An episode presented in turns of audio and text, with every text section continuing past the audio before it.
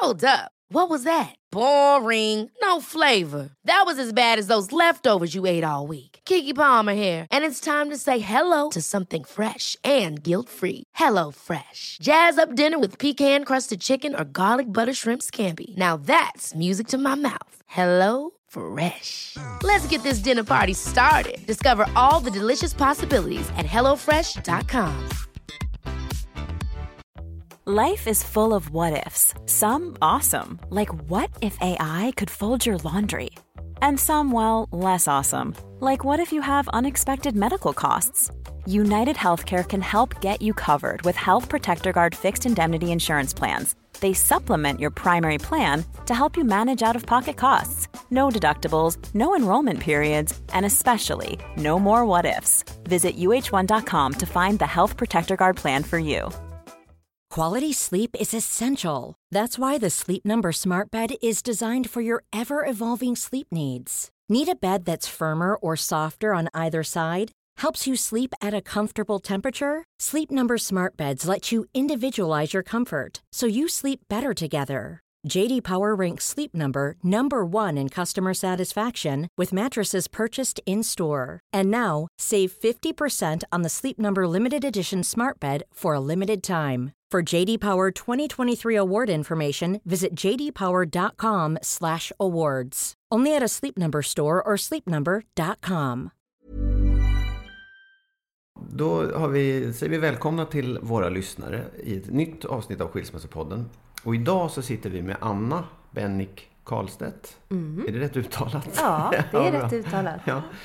Du är, dig har vi ju sett i Nyhetsmorgon flera gånger och lyssnat på på radio och sånt där. Du, du är, vi tycker du är väldigt klok och du har varit med förut i podden också. Just det, det har jag. Ja. Ja. och så har du precis släppt en bok. Eh, som du, kanske, du kan berätta om dig själv om boken. Ja, eh, boken som jag precis har släppt, den heter Vägen genom skilsmässan. Eh, med undertiteln Att hantera en förlorad kärleksrelation. Just det. Ja, och eh, riktar sig väl eh, främst till personer som går igenom separationer, som gör det just nu.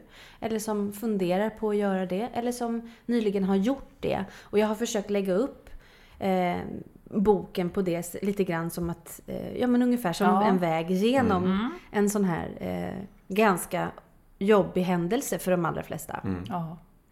Men, och vad gör, du, du jobbar som psykolog annars? Ja, det gör jag. Och sen så skriver jag lite grann och gör föreläsningar. Föreläser om stress och sömn och relationer och mobbing på jobbet Ja, och massa spännande. spännande, Ja. saker. Jätteroligt. Ja, men för oss är det ju så roligt att få prata med dig. Dels eftersom du då är psykolog och du har gått också igenom en egen skilsmässa. Så du vet saker från flera håll känns det som. Ja. Och en sak som du eh, har mycket tankar om och som jag vet att lyssnarna också undrar mycket över, det är just barnens bästa. Eh, I din bok så skriver du att det ju inte är säkert att barnens bästa är att man håller ihop. Nej. Vilket många egentligen utgår ifrån alltid. Ja. Säg hur du ser på det. Ja. Ja, jag tänker så här, vi har så himla mycket föreställningar om hur man bör göra, hur det blir för barnen. Och antingen har man en väldigt eh, stark uppfattning att man ska hålla ihop för barnens skull, för barnens bästa, och att det är väldigt egoistiskt att gå skilda vägar eftersom barn oftast mår ganska dåligt när föräldrar skiljer sig. Det är ju nästan inga barn som vill att föräldrarna ska skilja sig. Det finns ju, men det, det, så är det ju. Det är ju faktum förstås att det är så.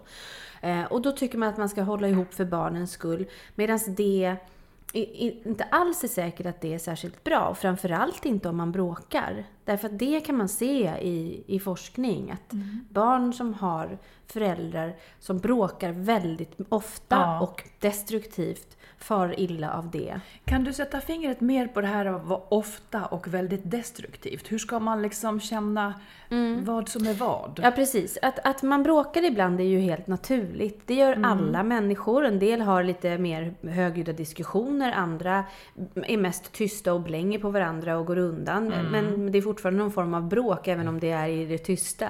Och en del eh, blir väldigt arga och explosiva.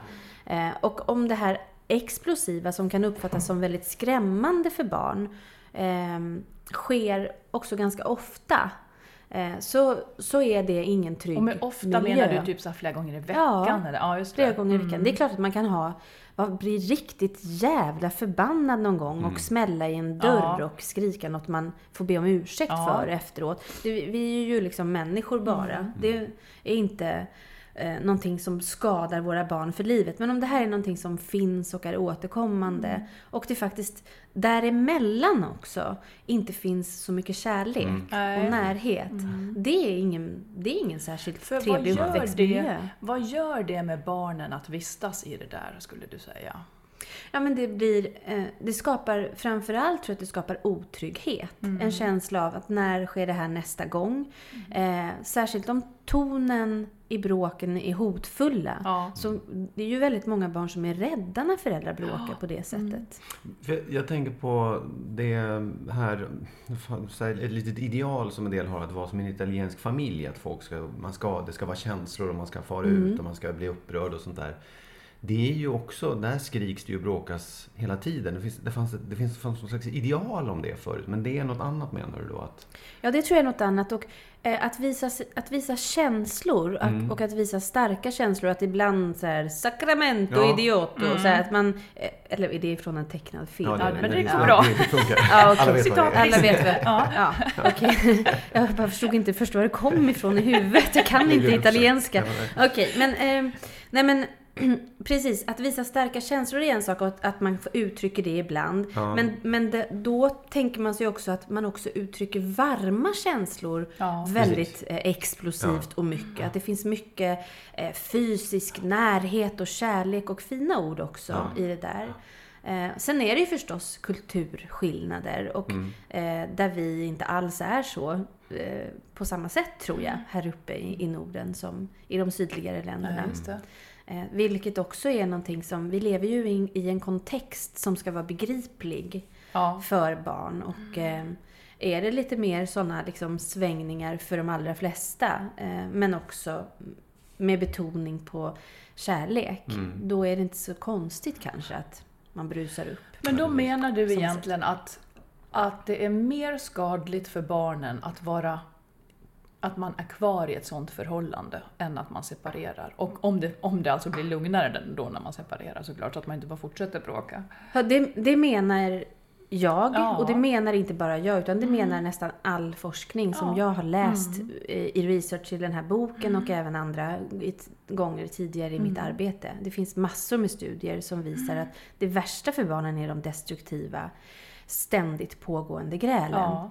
Får jag fråga så? För jag läste också att forskning säger att de barn som mår allra bäst, grovt uttryckt, det är de som lever i liksom hela familjerelationen med mamma och pappa kvar. Mm. Och de som då lever i en lyckad skilsmässa, de mår inte så himla mycket sämre. Alltså, hur, hur stor skillnad är det egentligen? Ja, så pass stor skillnad att man ändå kan sk- skriva att det är en skillnad. Ja. Men det man har sett från tidigare studier, man har ju börjat titta på det här från 70-talet i alla fall, var ökade man ganska många sådana studier, både i USA och i Europa bland annat. Eh, och det man har sett är att skillnaderna mellan barn som lever i kärnfamilj och barn som lever med separerade föräldrar, de har minskat över tid. Och det kan man ju resonera kring vad det beror på, men det handlar väl också lite grann om att det har blivit vanligare och eh, inte lika mycket stigma och inte lika mycket skam och så kring, Och kring förut så det. kanske de tappade kontakten med en av sina föräldrar. Det tror jag är en stor skillnad Mm. också. Eh, och där ligger ju Sverige allra bäst till i världen. Mm. Alltså att vi har flest barn i växelvis Ja, boende det. mellan båda föräldrarna. Vilket också tycks i forskning vara liksom en bra sak Mm. för barn. Men du, eh, är det ändå inte så att när de här barnen har vuxit upp så ser man inga skillnader i hur de mår? Nej. Eh, I de flesta studier så, så ser man att i vuxen ålder så är det inga skillnader. Nej. Men det här är ju lite statistik. Låt säga så här att barnen mår sämre om man skiljer sig just där i, i den. Men det, det är ju också en information som är svår att ta till sig för den som lever i en dålig relation. För det är klart mm. att de mår bättre om relationen är bra. Mm. Eh, men det man har att välja på om man lever i en dålig relation är om man ska fortsätta vara i en dålig relation eller separera. Finns det statistik som förklarar vilka som mår bäst där egentligen? Det gör det väl inte? Nej, det gör det väl inte. Men det är ju lite trixigt också med statistik. Jag tänker att vi, man kan säga på stora grupper att man kan se skillnader. Till exempel att barn mår sämre som lever med separerade föräldrar än med, i kärnfamiljer. Å andra sidan så vet man inte hur de här barnen skulle ha mått om föräldrarna Nej. stannade Nej. ihop. För det går inte att göra en Nej. sån studie. Det är helt omöjligt. Det går, mm. det går faktiskt inte. Mm. Eh, så det kan man inte veta. Och det är klart att Sen tycker jag det viktigaste om man sitter och funderar på, man känner sig inte lycklig och man vet inte vad man ska göra och oroar sig för sina barn, man vill inte att de ska må dåligt. Att barn mår inget bra i en separation, precis som de ja, vuxna. Det. det. är en kris mm. i livet. Mm. Barn mår inte heller bra ibland när man flyttar och byter skola. Mår inte heller bra när morfar går bort. Mår inte heller bra av någon faster som har svåra alkoholproblem. Mm. Eh, vi drabbas av olika kriser i livet och vi kan inte påverka det i så himla hög grad. Och det är oftast någonting som vi klarar av att ta oss igenom. Mm. Och det finns ju också studier, väldigt spännande tycker jag, som visar att personer som har gått igenom mellan, vad var det nu, tre till fem ja, ja. kriser, eh, känner sig lite mer nöjda med livet än de som inte har gått igenom någon kris alls. En amerikansk ja. jättestor studie var 3000 personer som man har intervjuat och ställt olika frågor, gjort livskvalitet, mått och sådär. Um, så att lite liksom motgångar tycks vi växa mm. av och uh, bli stärkta av. Um, därmed inte sagt att det alltid är bra att skilja sig heller. Men det, det är komplext och svårt det där. Och mm. jag tror att det viktigaste är att komma bort ifrån stigman mm. och förutfattade meningar om vad som är exakt rätt och fel. Mm. Mm. Ja, för det, det, du säger, jag har också tänkt på det väldigt ofta, att man, barn utsätts ju för en himla massa olika kriser. Mm. Och, där, jag tror att man, det är klart att om morfar dör, det kan man ju inte påverka och det är en massa saker som, som händer utan att du kan påverka det. Men flytt och skilsmässa och sånt, det, det står man ju för själv kan man tycka. Mm. Och då mm. tycker man på något sätt att den här flytten är så himla mycket mildare än en skilsmässa. Och det kanske mm. inte är för barnet egentligen. Nej, det är inte alls säkert. Det beror ju på hur det blir med kompisar och skola. Och, Precis. Eh, för det är ju en, en, ganska stor smärta att bli plötsligt uppryckt ifrån sina vänner när man går i fyran, fem mm. och har liksom byggt de relationerna länge. Visst är det så. Fastän vi växelbor, eller barnen växelbor väldigt det är ganska vanligt att de gör det, så är det ändå så att nästan hälften av alla barn eh, bor mest eller bara hos mamman. Hur mm. tror du det kommer sig? Ja, men jag tror att det handlar om att vi fortfarande har Alltså vi är i Sverige väldigt jämställda mm. om man mm. jämför med många andra länder.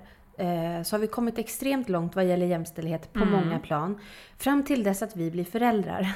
Ja. Då är vi inte så himla jämställda längre. Vi vill gärna tro det. Mm. Men när man tittar på hur det ser ut så är, är det eh, och det är liksom ingens fel, utan det är så vi lever. Vi går in i olika roller och vi tar olika mycket ansvar och vi eh, är delaktiga i barns liv olika mycket. Ja. Och där är det oftare så att mamman eller kvinnan eh, jobbar i lägre grad fortfarande. Ja. Även om vi förvärvsarbetar väldigt mm. lika. Mm. Innan vi får barn så är det vanligare att eh, mammorna tar det större mm. ansvaret för barnen mm. fortfarande. Och då ter det sig kanske också naturligt att det blir så även i en separation fortfarande. Även om vi håller på att komma bort ifrån det mm. mer och mer. Det går väl åt ett annat mm. håll? Det ja. går verkligen åt ett annat håll. Mm. Jag kan tänka mig det. Hur, hur gjorde ni med barnen när ni skilde er?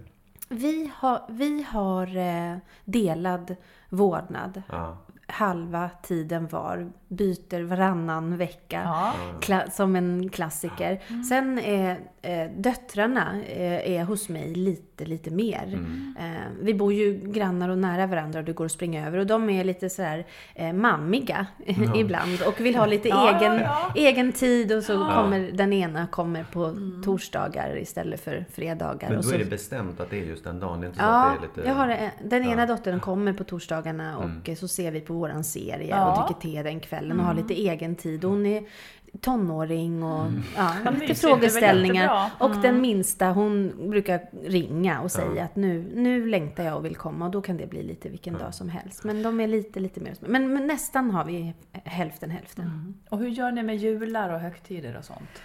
Ja, eh, vi delar rättvist på dem. Eh, den som har julafton har inte nyårsafton och så vidare. Mm. okej. Eh, men vi har eh, nästan varje julafton, vi delar julafton så att barnen vaknar hos den ena så man kan ha en mysig morgon Mm. och eh, frukost och lite julklappar. Och så är de hos den andra föräldern på kvällen. Mm. Fast de senaste åren så har vi hä- hängt ihop på kvällen. Ja. Ja. Som till exempel den här julen som kommer så ska vi vara hos, har jag barnen på kvällen. Men då är ju min exman förstås välkommen också. Och eh, vi är hos varandra på kvällarna. Men vi, just de där dagarna vill man ju vara med sina barn. Ja. Ja, han vill Du nog ber- inte vara med sin exfru mest i världen, men med sina barn vill han vara. Så då är han så välkommen. Man Jag tar hörde ihop. Ja. Men du, du, kan inte du berätta, för du och jag hade exakt samma erfarenhet av en gråtande midsommarafton. Ja, det hade vi. Berätta om den som du hade där.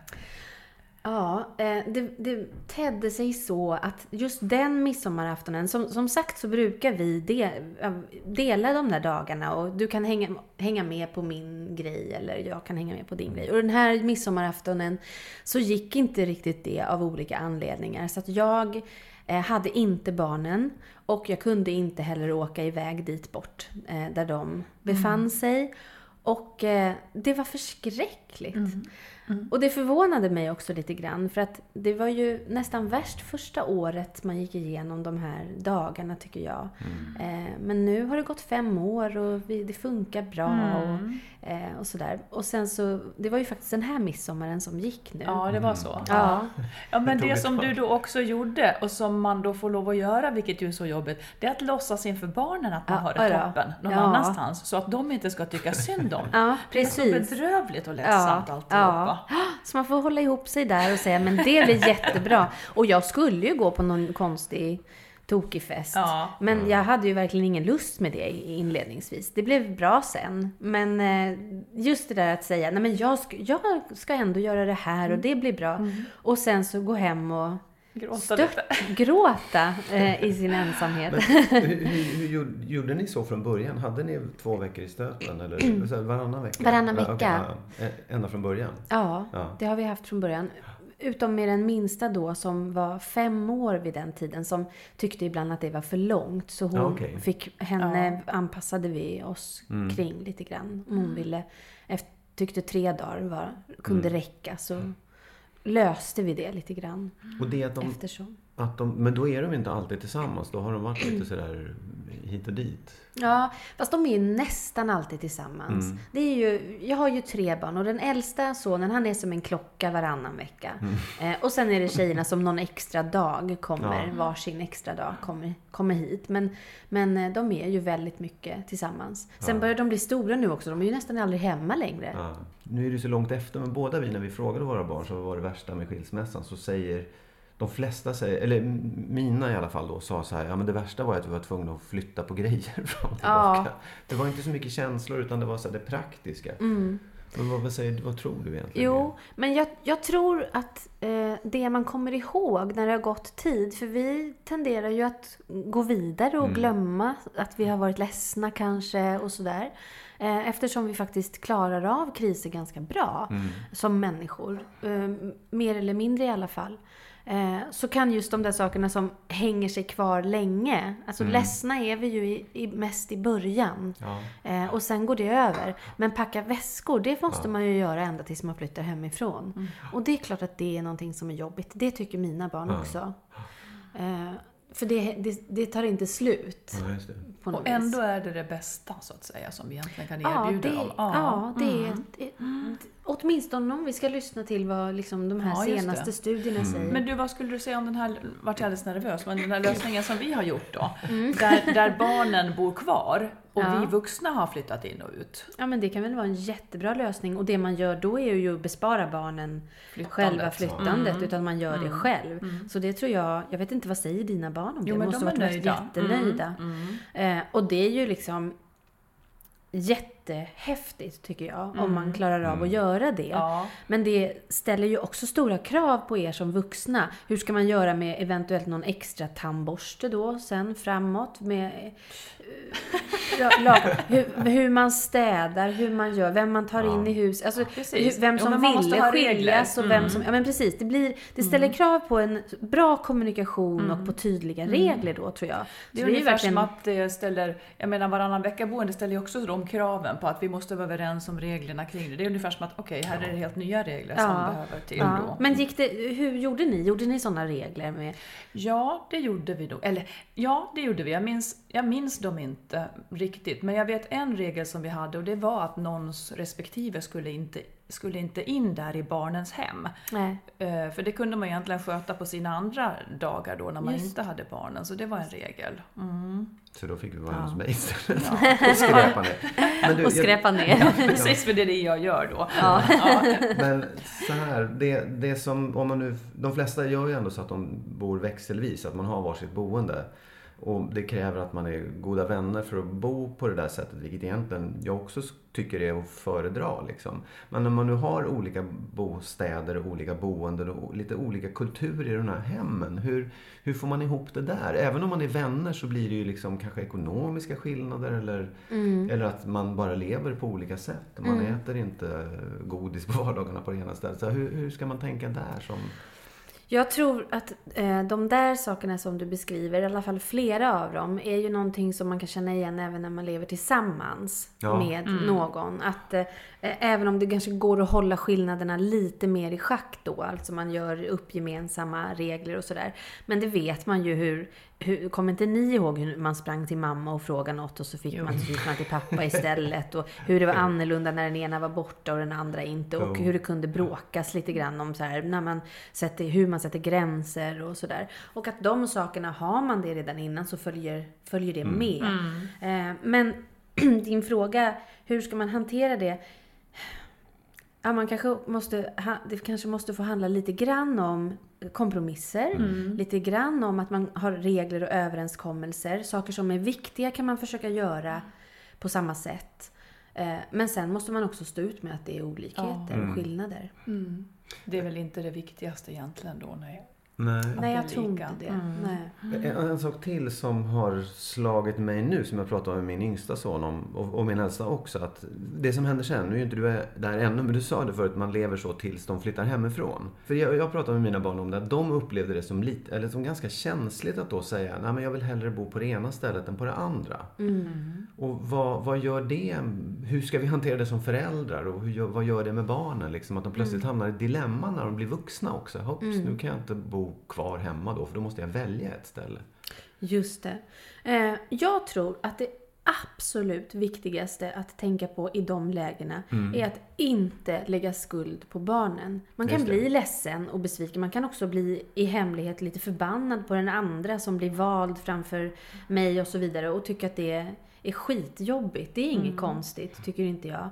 Men att eh, kräva av barnen att de ska för föräldrarnas skull anpassa sig eller inte kunna välja när man är ändå vuxen så att man skulle kunna haft ett eget boende men på vissa sätt, ekonomiska skäl eller att det inte finns någonstans att, att bo, så funkar inte det just nu. Att då kunna välja att stanna på ett ställe när man ändå lever sitt eget liv så pass mycket. Det tycker jag är en grundläggande mänsklig rättighet eh, för vuxna barn att få göra det. Ehm, och sen kan det vara smärtsamt, men det får vi hantera själva. Mm. Du, du pratar mycket om, och du har egentligen samma grej som vi gör, att man vill minska skuld och skam kring skilsmässor och så vidare. Du berättar själv då i förordet i boken där eh, när du sitter i Nyhetsmorgon och hur det krockar i din värld att du ska vara expert och samtidigt ha skilt dig. Kände du, var det skam som blev för dig då? Eller vad var det som, vad var det som kändes? Ja, eh, och det var ju faktiskt lite grann de eh, skamkänslorna och eh, eh, tankarna på hur jag själv reagerade, för de förvånade mig lite Ja, grann. ja, berätta om det. Ja, mm. eh, det var ju de som lite grann också ledde fram till att jag ville skriva den här boken så småningom. Eh, även om det har gått lite tid och sådär. Det, och det är flera saker som har lett fram till det förstås. Men, men just de där, att jag funderade väldigt mycket på det. Här hade jag suttit i nästan tio år och jobbat som psykolog och jobbat med par och par i kris och i svårigheter utan att tänka något minsta på att det skulle handla om misslyckanden eller eh, kon- några andra konstigheter utan att bara hur det är att vara människa och att det ibland är väldigt svårt. Eh, och sen hamnade jag själv i, i en kris som vi inte lyckades reda upp eh, efter ett tag. Och ehm, det blev en, eh, jag blev förvånad över att, att jag själv kände så pass mycket skam och också hade tankar om att ja, nu när jag själv inte kan hålla ihop min relation så kommer jag tappa i trovärdighet. det är ju förstår. inte klokt Nej, egentligen det är inte att klokt tänka så egentligen. som en Nej. vuxen 38-årig kvinna. Eh, men, men höll på att trixa och dona med... Jag kommer ihåg en gång att jag var ute och skulle föreläsa, också precis efter separationen. Skulle föreläsa om relationer, fast på arbetsplatsen någonting för ett stort gäng. Och att jag hade satte på mig en extra ring på fingret Ja, bredvid min egen. På högerhanden har jag ju en ring alltid. Och där satte jag en slät ring bredvid, för jag tänkte att de ser ju mig då i, i liksom som, ett, som i, spegel, Ja, ja, i en ja. spegel. Mm. Så att för dem ser det ut som att jag har ringarna på vänster hand istället för, för på höger hand. Så de, de tänker nog inte på att det sitter ringar på fel hand. Alltså det är så fascinerande. Att jag höll, jag var och som vuxen höll på så och faktiskt var rädd att, att tappa i trovärdighet i min yrkesroll och ehm, ja, i kunskap och expertis. Jag kan inte sitta i Nyhetsmorgon och prata om relationer när jag inte kan, klarade av att rädda mitt eget äktenskap. Och egentligen är det också tvärtom, för nu vet du lite mer. Ja, precis. Faktiskt. Nu vet jag ännu mer. Nu vet du ännu mer. Men den där skammen då. Eh, vi hade någon teori, jag vet inte om du lämnade eller blev lämnad eller om det var liksom så. Men vi hade någon teori om att är det så att den som blir lämnad känner skam och den som lämnar känner skuld? Tror du att det kan vara så? Ja, jag tror inte att det är så enkelt. Jag Nej, tror att det att, de flesta... dominerande. Ja, kanske. Jag tror att de flesta känner eh, skuld över barnen. Mm. Jag tror att de flesta känner skam över att vi ska skilja oss, att behöva stå för det till eh, släkt och grannar och vännerna och sådär. Att behöva mm, tala om det, att nu vi har inte klarat det här oavsett anledning. Ehm, i vårt fall var det lite komplicerat, eh, men i slutändan jag som gick. Och jag kände ändå ganska mycket skam. Inte så mycket, inte så mycket i förhållande till mina vänner och Nej. familj Mm. faktiskt. Det Det gjorde var jag inte. yrkes- Utan mer Mm. yrkesmässigt, eh, professionellt. Den är ju lite ovanlig. Alltså det, du måste ju ha det yrket för att Ja. känna skam över det. Ja, ja, Det- precis. Ja. det kan- Men man kan tänka sig att jag skulle ha känt mindre skam som hade jobbat så mycket med just de här Ja. svårigheterna. Ja, och ändå blev det inte så. Och det Nej. tycker jag var fascinerande. Ja. Ja. Men du, är det inte lite lättare att skilja sig från den som är psykologen då, som vet mycket? Kan det inte vara så Ja, vi var ju två psykologer. Ja, det var så Ja. också. wow! Ja, det var mycket förståelse Ja. ändå. Det låter väl... Mm. Jag vet inte om det var så mycket lättare. Vi har, vi har, inte, vi har inte bråkat enormt mycket. Nej. Men det hade vi nog kanske inte gjort ändå med andra yrken. För vi är inte så Nej. bråkiga typer. Och det som tar vid är ju ändå personliga känslor. Men Ja. kanske att man kan vara mer eller mindre benägen att inte låta dem ta vilket utlopp som helst. Ja, så. ja, Mm. så kan det kanske vara.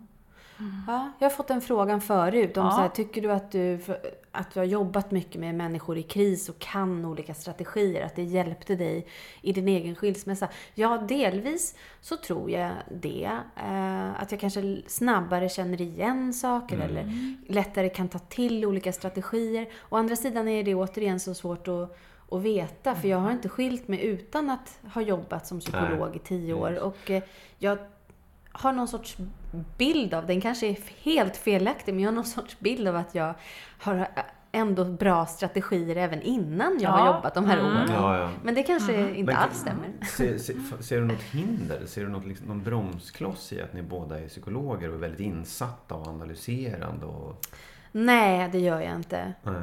Jag gör faktiskt inte det. Jag, jag tänker att det finns en föreställning ofta. Alltså först så här, åh stackars, eh, två psykologer, stackars barn har ju vi fått höra alltid.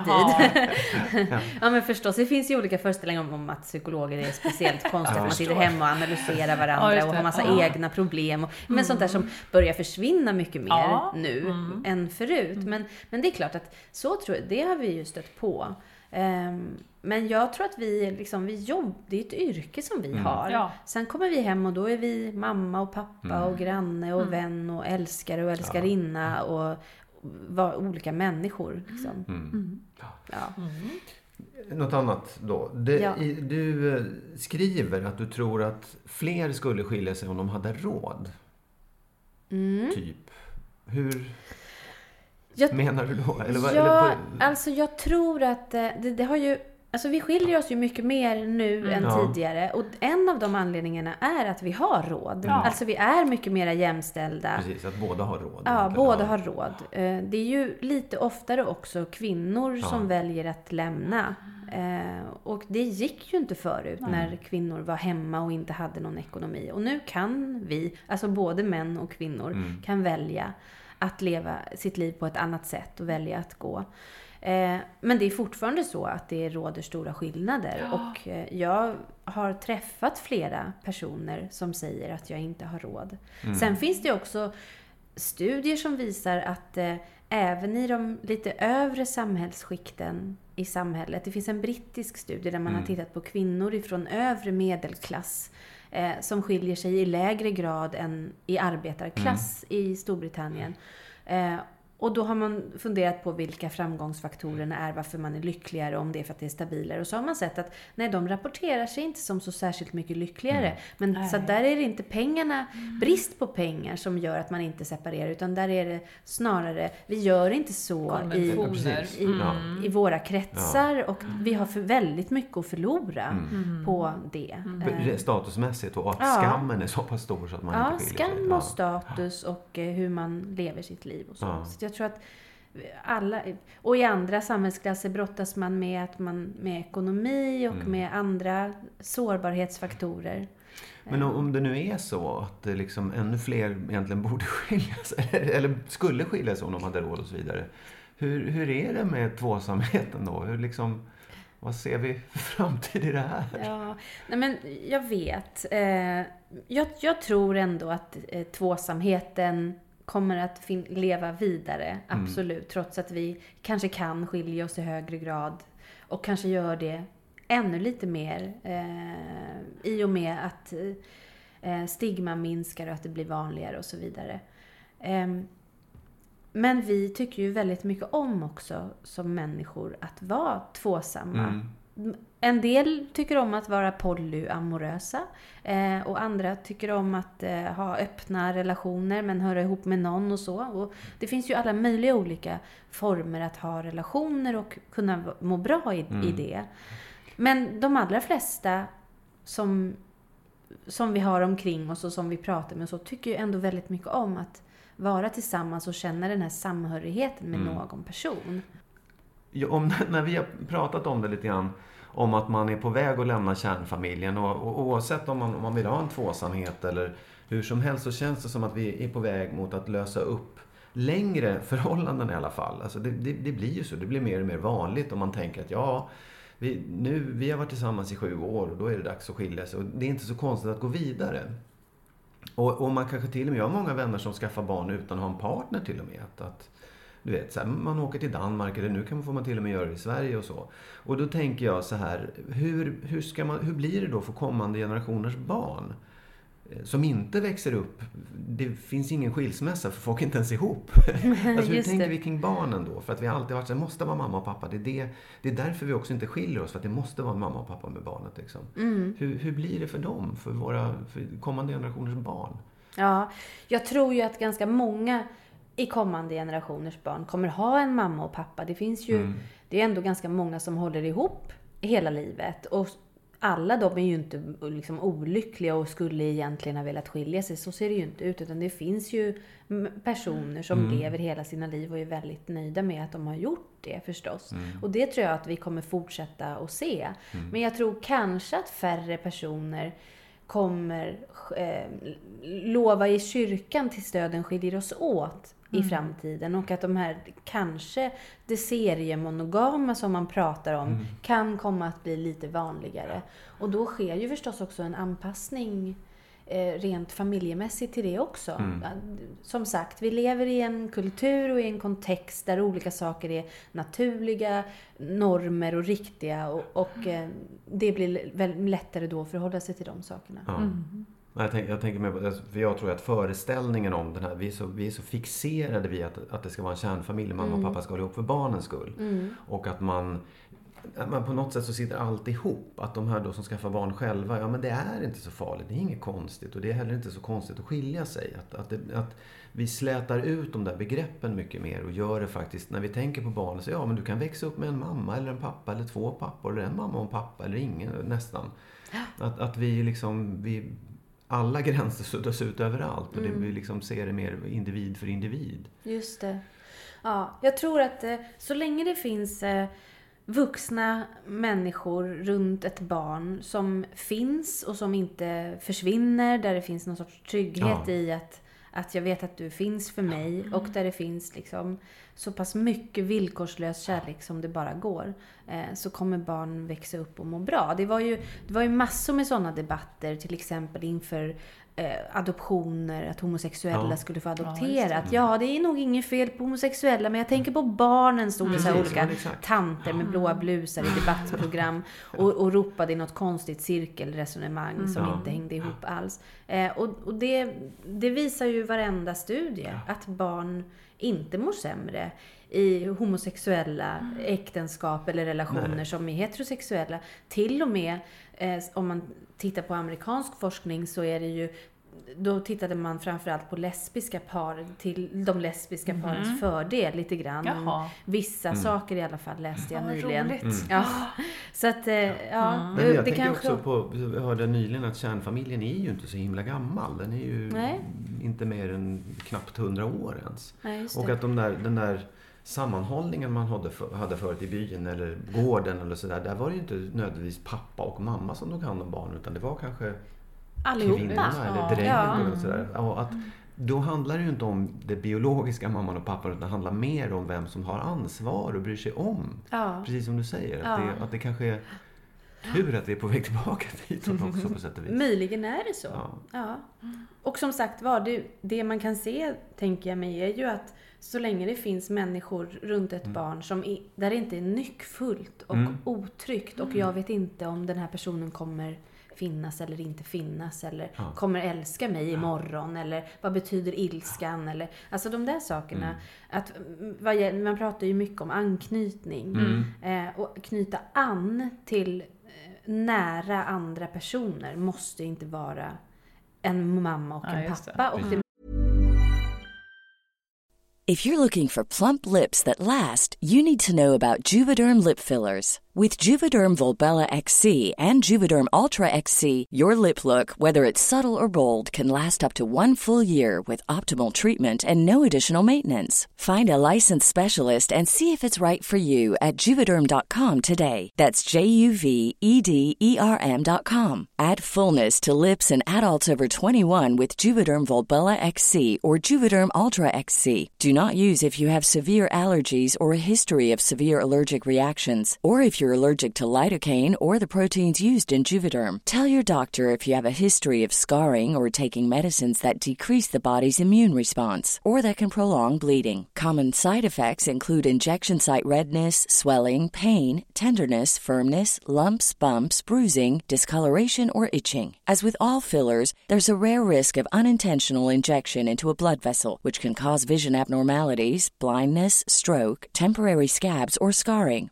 For full important safety information, visit juvederm.com.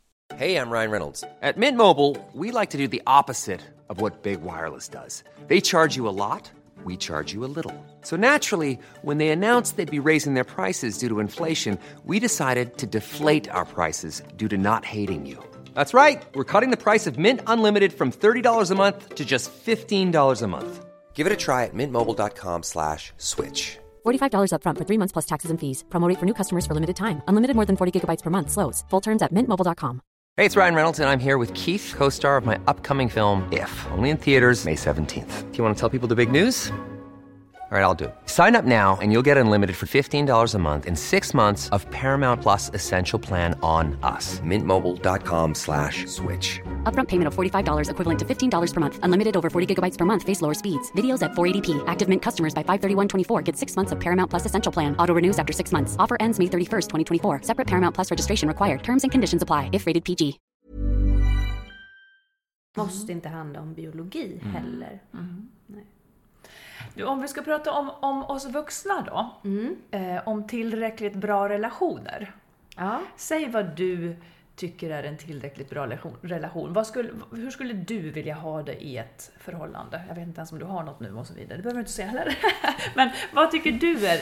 Hur, hur vill du ha det i en relation? För att det ska vara värt att ha den relationen. Ja, för att det ska vara värt att ha en relation så måste det ju... Eh, dels så måste det ju det där finnas. Tycker jag i alla fall. Så är det ju inte heller för alla. Men det där som inte går att förklara. Det där som man undrar vad det är. Ni vet när man har träffat personer och tänkt att allting stämmer på listan utom att man Inte känner något. Utom att man vaknar på natten och undrar vad det här för konstiga andetag? Det känns inte som hemma riktigt. Det tycker jag är en så här klassisk beskrivning på att det, att det där faktiskt inte har hänt trots att man kanske vill det. Eh, och det känner jag igen både själv och vänner och eh, människor jag träffar i mitt yrke. Liksom att man kan vilja att något ska funka men det, det, där, det har liksom inte hänt. Och det där vet inte vi riktigt vad det är även fast vi kan åka till månen. Eh, och det är ganska Konstigt. Ja, spännande. Ehm, så det, det måste finnas. Sen tänker jag mig att eh, det generellt sett är bra att man också kan leva sina egna liv någorlunda. Att man inte begränsar varandra för mycket. Till exempel vad gäller mm, hur man hur mycket, ja, svartsjuka kan, brukar vara ganska destruktivt, om den, särskilt om den inte är så himla berättigad förstås. Ehm, sen de där vanliga sakerna, det behöver finnas tillit och eh, det är jättebra om man kan ha lite gemensamma intressen och kunna prata med varandra. Det du Men inte nödvändigt menar du? Va? Det är inte nödvändigt menar du? Man kan tiga också menar du? Ja. Jo, det är väldigt nödvändigt. Vad sa jag för något? det är bra om det finns några Det är gemensamma bra om det finns några gemen... Nej men jag menar att det, gemensamma intressen, det måste man ju inte ha. Det är Nej. bra om man... Ja. Men, men sen, eh, bortkopplat från det, man behöver också kunna prata Ja, med ja, varandra. ja, Ja. ja. Du, vill du bo ihop? Jag vill kanske bo ihop med någon längre fram, men just nu känns inte det aktuellt. Nej. Jag har mina tre barn lite mer än halva tiden och ehm, jag är lite inne på det som du sa tidigare Marit, det andra kan man sköta på den andra veckan. Ja, just det. Precis. Eh, men det är klart att eh, längre fram i framtiden så vill jag jättegärna bo tillsammans. Jag tycker inte så mycket om att sova ensam. Jag är ganska dålig på att vara ensam generellt. Jag tycker om att vara tillsammans med någon och lirka in fötterna un, ihop med någon, ni vet, i soffan. Ja, men sådär. Men, eh, men det, det är ingenting som jag tycker är aktuellt just nu. Tänk om du träffar någon som inte tycker om att lirka in fötterna. Då går det inte. Det går Det inte. kan gå ändå kanske. Ja, vi, har, vi har två soffor. Men, Ja, just det. Ja. Så den här, du skriver ju om krisen, är, är, tar, tar mycket plats i din bok. Och det kan man ju förstå. Det är ju en, dels som du säger, fem kriser i livet om man blir en lyckligare människa. så, men, men det är en stor sak. Kan du, kan du ge tre tips till den som verkligen mår riktigt dåligt, som är i sin skilsmässa eller strax innan eller mitt i och mår riktigt dåligt. Vad är de tre bästa tipsen tycker du?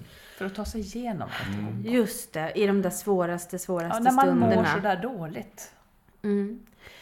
Jag tror att en viktig sak då är att försöka ha andra omkring sig och ta emot hjälp. Många av, många av de som jag har träffat har tänkt att man eh, ska ta sig igenom det här på egen hand. Och skammen gör också att man inte eh, frågar efter hjälp eller vill gråta hos någon eller vad det nu kan tänkas vara för någonting. Man tar sig igenom kris på många olika sätt. Men att just ha någon i alla fall att anförtro sig åt, att be om hjälp, både liksom även praktiskt. Eh, Praktiskt, alltså det sociala stödet är oerhört viktigt när vi går igenom kriser generellt sett. Det, det vet man. Jag, jag, jag tycker en, en studie som jag eh, läste nyligen är så himla talande för det. Kan jag inte få berätta om Jo, den? gör det. Ja. Mm. Eh, man delade in eh, men, men ett, stö- ett större antal människor i två grupper och så ställde man de personerna framför en kulle. Och så fick de här människorna, i grupp A, fick de här människorna skatta hur brant uppskattar jag att den här kullen är? På, på en, ja, någon sorts skala. Och sen också på en skala, hur jobbigt tror jag förutspår jag att det är att gå upp för den här kullen till toppen. Det fick grupp A göra. Grupp B fick ställa sig framför precis samma kulle och göra exakt samma bedömningar tillsammans med en vän. Jaha. Och skillnaderna var stora. Ja. Alltså man tyckte att kullen var mycket brantare och bedömde att det skulle vara mycket jobbigare att gå upp för den när man gjorde det här själv Ja. och inte hade någon som man höll i handen. Ja, Jag tycker det säger så Ja. mycket. Det är verkligen nästan gripande. Ja, det är det. Jag ryser hur, lite. liksom, Ja. ja, hur, eh, hur stor betydelse det har. Så att i en kris så är det så här det är inte rätt läge att tänka ensam är stark, utan tvärtom. Och har man ingen som man riktigt vill eller kan anförtro sig åt så kan det vara bra att försöka ta hjälp utifrån. För att det är svårt att ta sig igenom det på egen hand. Säg fler saker. Ja, fler saker. Nu kommer en väldigt hurtig Tycker vi. sak. Ja, ja men det, vara. jag, tycker inte om, jag tycker knappt om oss. Jag vet att jag har skrivit det i min bok, men, eh, men det är ju hurtigt. Men det här med äta och sova Ja, och träna och lite Ja, ja, ja. rutiner. Det, det kan ju vara, det kan nästan bli liksom provocerande för någon som Ja. är i kris. När man så här, kräks upp det man Ja. äter och är vaken hela nätterna. Det går inte att säga jaha, vad bra, jag har läst att man ska Då sova. Då gör jag det, för det kan man inte kontrollera riktigt. Och samma sak, träna. Det blir någon sorts eh, Ja men ni vet, man ska chiafrö och kvarg och gymmet och liksom sånt där. Men det är förstås inte det. Det här kan man komma runt på lite Ja. olika sätt. Vad gäller eh, att få i sig lite näring, det är jätteviktigt för att orka. Och då kan man äh, tänka sig liksom lite nötter och lite frukt och lite choklad och lite smågrejer längs då och då under dagen. Om man inte klarar av att äta potatismos. Bara tanken på potatismos och någon sås gör att man mår illa. Jag, när jag gick igenom min kris, då åt jag kokta ägg och drack blodapelsinjuice. Ja, men Det är ändå protein och C-vitamin liksom. Ja men det höll mig verkligen över ytan. Ja. Ja. Men det sitter ju ihop lite grann också. Vilket tänker Nej, du? ja, men all, jag, jag, jag tyckte det där var klokt. Hurtigt men klokt. Men jag Mm. Ja. läste också, för jag tycker att det är ändå så här... men För det, du är ändå snäll mot folk och säger att jag förstår att det är svårt att sova på befallningar och svårt, svårt att äta.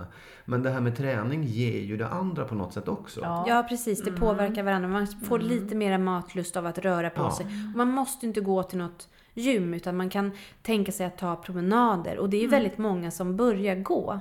Eller börjar springa i olika typer av kriser. Och Ja, det jag, händer jag någonting. gick så fruktansvärt mycket. Det gjorde jag också. Ja. Eh, Det händer någonting efter 30-35 minuter med tankar. Mm. Eh, hur, de, hur, på, hur klistrade de är. Alltså de rinner av en lättare, Mm. det kommer inte åt en lika lätt. Fysisk aktivitet har jättestor effekt på depressioner, på stress, på eh, ångest. Det, det är så, det händer ju saker i, i kroppen på oss som gör att vi eh, ökar vår motståndskraft. Så att, att, att gå eh, varje dag lite grann eh, är en jättestor skillnad mot att bara ligga ihoprullad Ja. i fosterställning i en soffa. Så klarar man av att ta sig ut, då kan man också ta hjälp av en kompis som kan släpa ut en lite Ja. grann och man går armkrok. Mm. Ehm, man kan gråta under tiden man går. Ja, ja, Nej, ja, men jag, det- det- Och sömn är väl kanske det som är svårast. Men att, att äta lite, lite grann och att röra på sig hjälper också till med sömnen. Ja. Och om man försöker tänka lite kring rutiner. Att man ändå går upp samma tid och går och lägger sig någorlunda samma tid. Så kan man få åtminstone några timmar däremellan. Sen ska man inte ligga kanske och och vri- vrida sig Nej. hela natten. Utan det kan vara bra att kliva upp då och göra någonting annat en Ja. liten stund. Men du skrev att man går på och kollar på serier eller något sånt där. Nej, men jag tycker det Ja. är jätteklokt för att, att utnyttja den tiden. Så här, men jag kan ändå inte sova. Då gör jag väl något bra det Ja, istället. precis. Och Och så så, kan man bli trött också. ja, så kanske man blir trött. Ja. Men det är förstås, det låter ju alltid mycket lättare och klokare än vad det, än vad det känns Ja, ja. när det är kolmörkt och livet har rasat ihop. Oh, ja. Det måste man ju också komma ihåg förstås. Men att försöka hålla sig fast vid, vid de där sakerna. Någonting mer som du tänker? Mm. Just som ett sånt där i värsta krisen. Jag vet att flera jag har träffat har haft hjälp av, och hade också jag själv i, viss mån, eh, av att försöka lyfta blicken lite grann och ha något längre livsperspektiv. Alltså, mm just, det kan ju kännas som att jag kommer aldrig klara av att kliva upp från det här tvättstugegolvet där jag har gått och gömt mig för att gråta utan att barnen ska se det. Och så här, jag kommer faktiskt inte orka gå upp härifrån igen. Det kan ju verkligen vara känslan. Och att då i de där stunderna försöka påminna sig om att eh, om jag ska leva mitt liv i, i 80 år, förhoppningsvis, så kommer några av de där tusentals dagarna jag lever vara så här. Men det kommer komma en dag när jag skrattar helt obehindrat åt någonting som är roligt. Känner mig lycklig. Det är inte nu, men det kommer komma och det är bara så här försöka ställa sig upp och eh, långsamt gå mot den där dagen. För den kommer ju någon Och det är ju egentligen otroligt hur vi är i de här negativa känslorna när vi är där. Det är inte konstigt. Men det är ändå så att då kan vi, vi har så svårt att se att det kommer någonting annat. Man är så här och nu. Ja. Något så otroligt påtagligt. Ja, det är så otroligt påtagligt. Eh, Men, men att försöka minnas också i de där stunderna att, eh, ja, men att man hade en unge i knät i förrgår och doftade på huvudet och hade någon sorts känsla av att så här, men det kommer nog lösa sig ändå. För det är ju också, det går ju upp och ner. Det kan ju kännas som nattsvart hela tiden. Men det finns ju även i kris stunder som inte är helt nattsvarta. Alltså plötsligt så har man koncentrerat sig en halvtimme på jobbet och tyckt att något var roligt fast man eh, fick hålla sig för gråt på tunnelbanan eller bussen på väg till jobbet. Så att det är ju stunder, och de där, att ta vara på de där små stunderna och vila i dem. Och försöka ha lite tillförsikt om att de kommer bli flera och hålla i sig lite längre. Även om det går jävligt långsamt just nu. Vi ska snart ge dig våra snabbfrågor, men en, en till först måste jag ta. Eh, du skriver i boken om att det inte är solklart att folk blir lyckligare i sitt andra äktenskap. Nej, det, det tyckte jag både var dystert och spännande. Ja, jag vet. hur, hur- och hur, hur tolkar du det? Ja, men jag tolkar det som att det är svårt att leva i relationer. Det är svårt ibland att leva det här livet, Ja. generellt sett. Och, eh, Men det, det utgår vi också ihop ifrån... ändå då? Varför ja, men det utgår ju också ifrån bilden och så levde de lyckliga alla sina dagar. Nej, då gjorde jag inte det här. Då skiljer vi oss och så Mm. blir det så nästa gång. Det är klart att det blir svårigheter i nästa relation också. Det kan bli mycket bättre. Det kan också bli ungefär lika bra, fast på andra sätt. Det kan också bli sämre. Men är det, för vet att man inte. själv då inte har förändrats någonting utan man drar med sig sitt paket som inte är förmöget att... Så kan det det vara bra. förstås. Mm. Så kan det vara. Eller lite grann hur man, vad man har för, liksom, hur man väljer. Ja. Vad man eh, det. attraheras Mm. av förstås.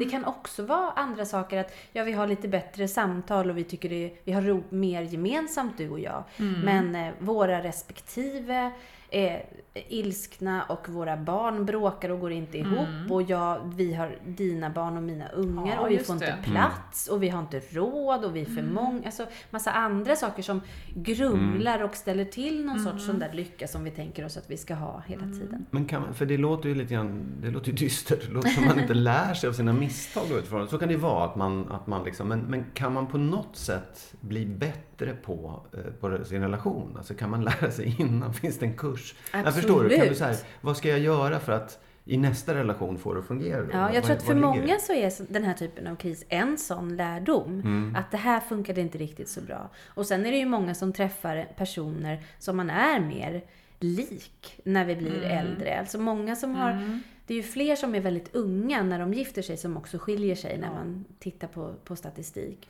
Eh, och det händer ju så pass mycket med oss från att vi är 20 till att vi är 40. Mm. Eh, så att, att, att gifta sig väldigt, väldigt ungt, eh, det är ju en riskfaktor Mm. alltså. Eh, Och varför?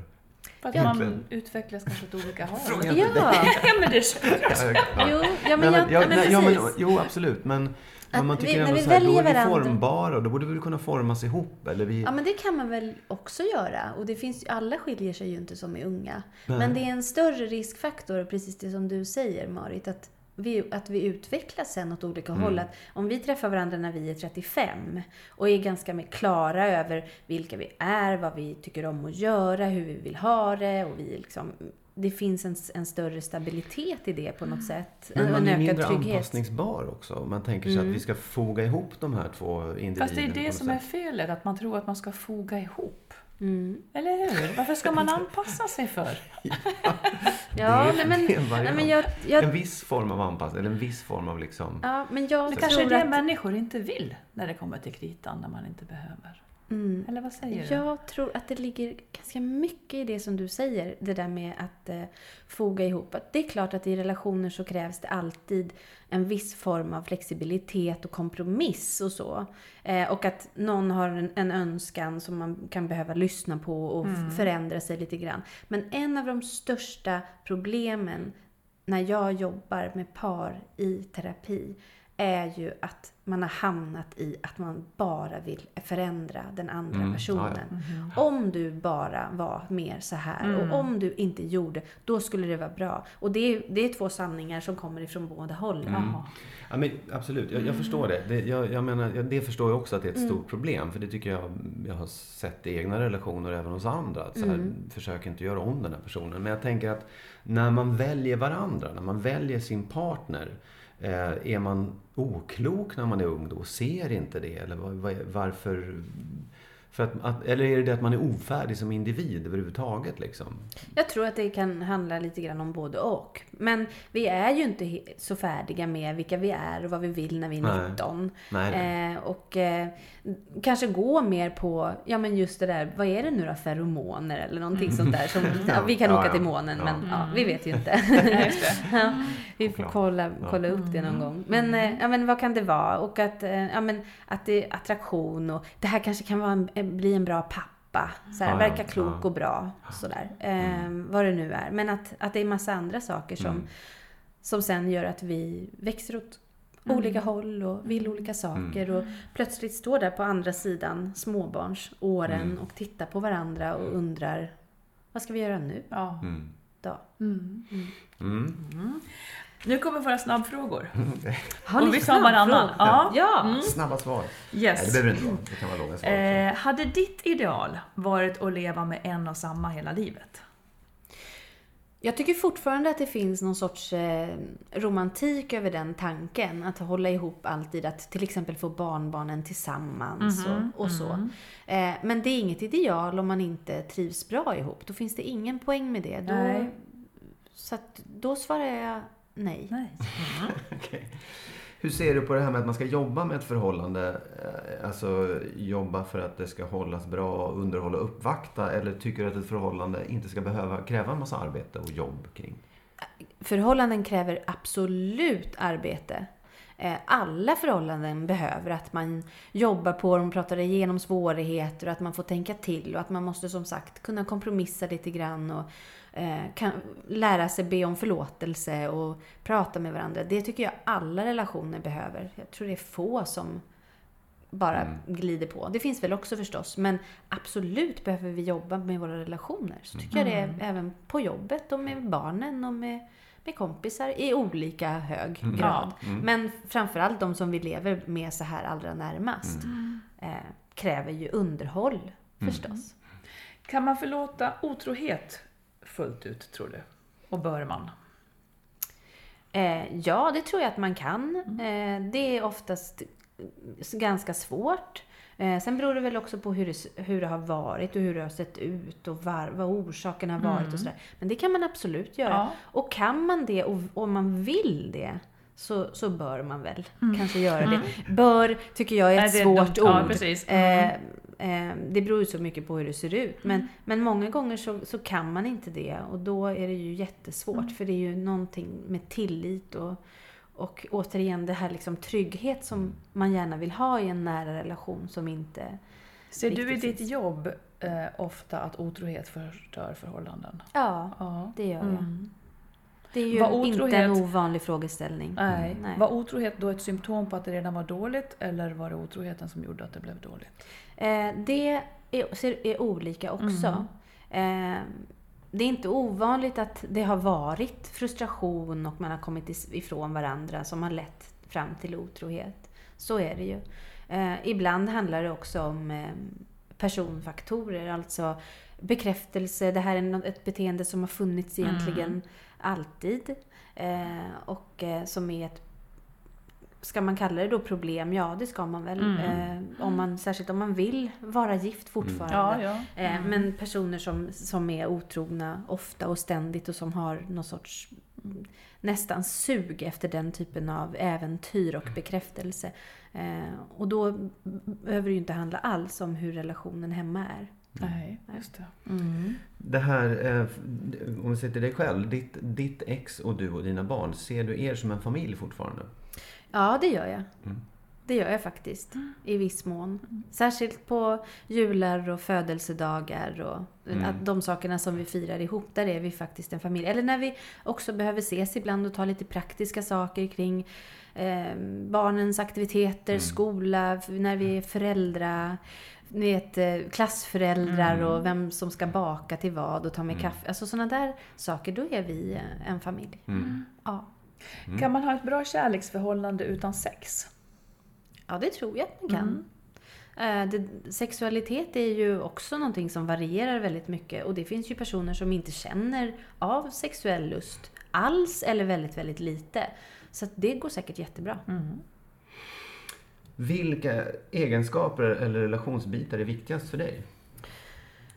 Eh, såklart eh, samtalen tycker jag är jätteviktiga. Det, det går inte om man inte har roligt när man pratar med varandra. När man står och diskar undan på kvällen efter middagen eller sitter länge i bil eller, eller faktiskt också är oense. Eh, Att kunna liksom bråka någorlunda bra. Det tycker jag är en jätteviktig sak. Också förstås närheten.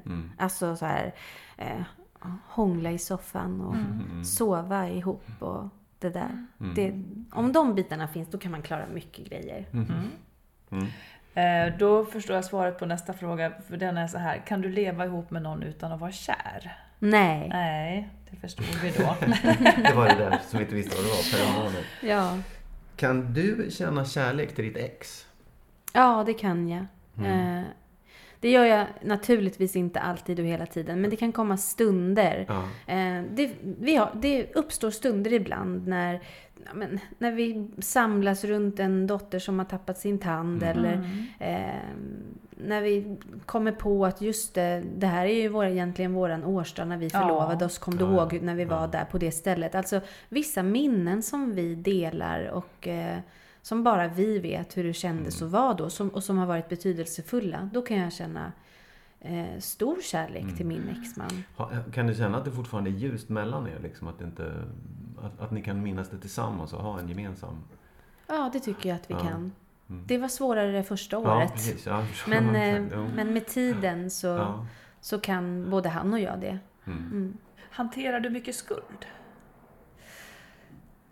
Utveckla frågan. Nej, men många, många lider just av den här skulden i förhållande till barnen eller till förhållande till exet och så vidare. Hanterar du skuld i förhållande till separationen? Eh, ja, det gör jag. Eh, fortfarande. Framförallt vår yngsta dotter tycker inte alltid att det här är en bra idé. Hon vill, hon vill gärna att vi gör saker tillsammans. Och hon kan ringa och säga att hon längtar och låta lite ledsen och så. Eh, och då känner jag skuld. Och det är inte medkänsla utan skuld. Det är både och. Ja. Det är både medkänsla och också lite skuld över att, att vi har ställt till det så här på ett sätt som hon faktiskt inte fortfarande tycker är så bra alltid. Och den skulden går inte att förlåta bort hos sig själv. Jo, men jag tycker att den går att förlåta bort. Alltså den kommer och gör sig lite påmind ibland. Man kan få de där ah, skuldkänslorna. Men eh, sen försvinner de ju bort igen. De Ja, får liksom vara där. Och eh, sk- skuld kan finnas även om det finns någon form av förlåtelse eller medkänsla med sig själv och sina beslut och sådär. Ehm, den får finnas och så kan man lägga märke till att den är där och så får man lägga märke till att den försvinner bort också. På, på vilket sätt tror du att, att dina barn har påverkat positivt av, av, av separationen då? Ja, framför allt de två stora tycker ju eh, att det är roligt också att ha två rum. De får åka på fler semesterresor. Ja. Eh, De, de får liksom flera eh, julklappar och fira lite mer sånt där. Sånt där lite materiellt Ja. eh, extra, extra tingeltangel runt omkring kan de uttrycka som någonting positivt. Och de två stora säger också, nej men det, det enda som är jobbigt är precis som dina sa. Det enda som är jobbigt är att, att packa väskan Mm. ibland och att man har glömt något på något ställe och sådär. Så det får man ju försöka hjälpa till med så gott det går. Kan de, kan de förstå varför ni skilde er också? Alltså kan, har de så här, ja men det var nog lika bra eller?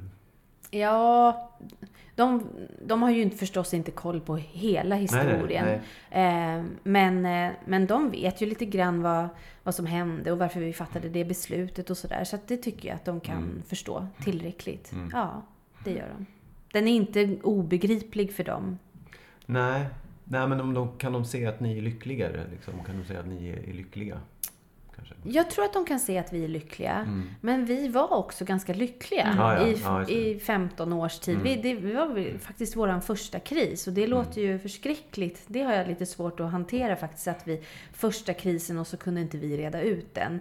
Det tycker jag är lite ynkligt. Ibland. Men, ja, precis. Ja, och den, ja, men den, den blev ganska rörig Ja, faktiskt ja. och höll på under en längre period också. Så att det gick inte riktigt. Och det, det är jag okej med nu. Mm. Jag tyckte det var jobbigare i, i början. Sista frågan då. Ja. Eh, är det ett misslyckande att skiljas? Det beror väl på hur man förhåller sig till begreppet misslyckande. Om man ska va- vara krass och tänka att vi ville leva ihop i hela livet och vi lovade varandra det i, i kyrkan i till nöd och lust och döden ska skilja oss åt, en, endast döden. Var ni gifta alltså? Mm, vi var gifta. Ja, då, då kan man väl kanske säga att den uppgiften misslyckades vi med. Men jag tror att det finns en, ett problem med att se på det som ett stort misslyckande. Därför att det skulle vara ett lika stort misslyckande många gånger att fortsätta leva tillsammans när man inte vill det. Bara för att man har stått någonstans med någon klänning och kostym och lovat det inför någon gud och församlingen. Eller, eller så. Och, och därför, det finns ingen större poäng kan jag se Nej. med att, eh, att prata om skilsmässor som, som misslyckanden på det sättet. Mm. Utan det, nu blev det så här den här gången och då får man göra det bästa av det. Vi misslyckas ju med saker hela tiden. Ja, Mm. och det blir ganska bra ändå till slut. Ja. Ja, men då säger vi jättestort tack till dig. Ja. Tack för att vi fick komma hem till dig för bullar och kakor och kloka svar. Tack för att ni kom, det var jätte, jätteroligt att ses. Mm. Tack.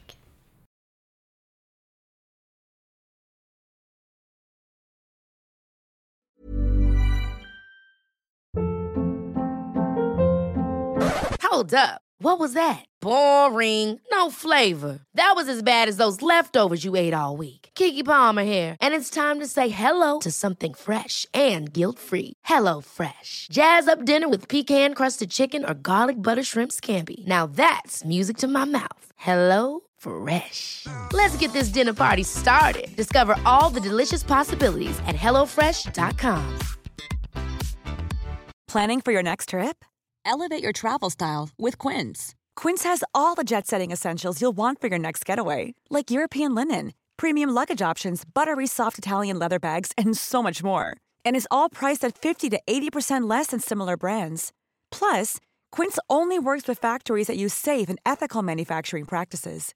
Pack your bags with high-quality essentials you'll be wearing for vacations to come with Quince. Go to quince.com/pack for free shipping and 365-day returns. Hi, I'm Daniel, founder of Pretty Litter. Did you know cats tend to hide symptoms of sickness and pain? I learned this the hard way after losing my cat, Gingy. So I created Pretty Litter, a health monitoring litter that helps detect early signs of illness by changing colors, saving you money and potentially your cat's life. Pretty Litter is veterinarian developed, and it's the easiest way to keep tabs on your fur baby's health right at home. Go to prettylitter.com and use code ACAST for 20% off your first order and a free cat toy. Terms and conditions apply. See site for details.